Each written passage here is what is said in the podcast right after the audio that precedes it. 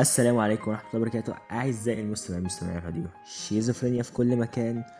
ورجعنا لكم بعد غياب فترة طويلة خلال أجازة شهر رمضان وأجازة عيد الفطر المبارك. كل عام وأنتم بخير. خلال الفترة اللي فاتت دي كلنا حصل في حياتنا تغييرات كتيرة. كلنا شفنا على المستوى العالمي تغييرات بتحصل كبيرة جدا. يعني لو بصينا هنلاقي الأشخاص اللي كانوا قبل رمضان شوفوا اتغير شخصيتهم ل... في رمضان إزاي؟ وبعد رمضان اتغير شخصيتهم بعد رمضان إزاي؟ والحال اللي اتشقلب بشكل مختلف جدا قبل رمضان وفي رمضان وحاليا بعد رمضان.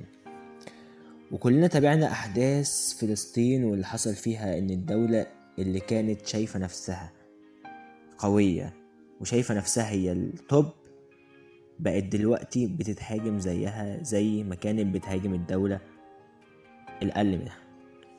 هي طبعا مش دولة هي إسرائيل عموما إحنا ما بنعترفش بيها إن هي دولة أصلا وإن القطاع أو الجزء الكامل دي اسمها أرض فلسطين وإن فلسطين اللي كانت ضعيفة أو العالم كله كان شايفها ضعيفة أصبحت هي المتحكمة وهي اللي بتضرب وهي المسؤول عن الأرض بتاعتهم.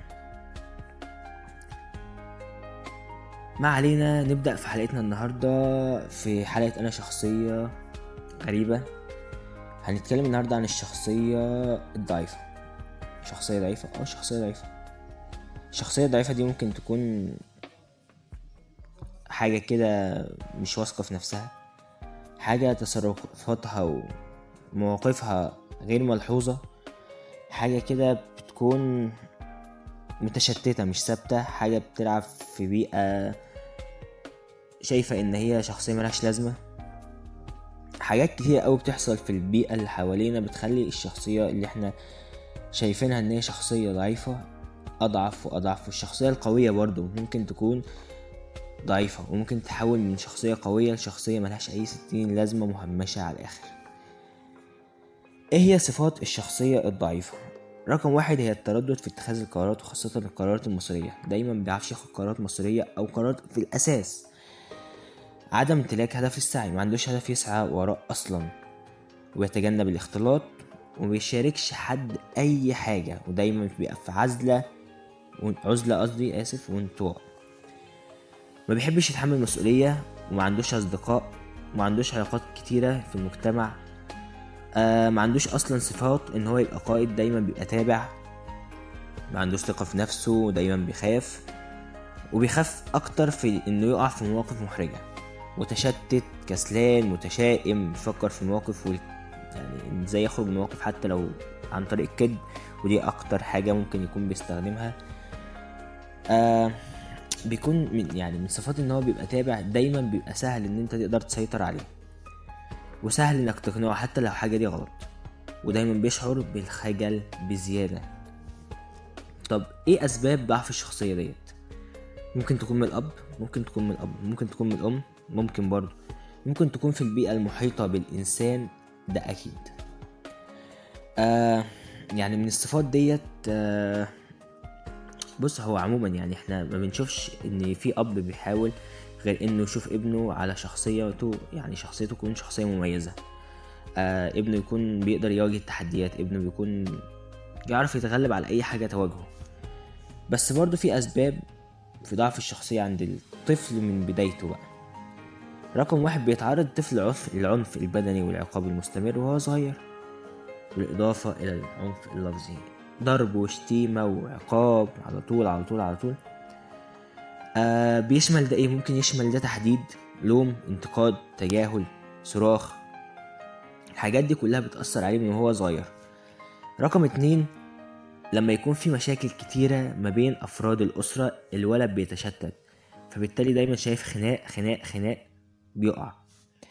المقارنة المستمرة ما بينه وما بين أصدقائه أو إخواته. الإفراط في حماية الولد لطفليهما دلوقتي اتنين يعني الطفل محبوس في البيت على طول ما بيخرجش ما يعرفش ده ما يعرفش دي ما بيعرفش يتعامل مع أي حد خالص فبالتالي هيكون فين الشخصية اللي هتتكون عنده عشان خاطر يتعامل مع الناس. خلاص ما فيش شخصية تتعامل مع الناس فبالتالي شخصيته ضعيفة بالتالي كل ما يخرج أو يتكلم مع حد بيفضل واقع.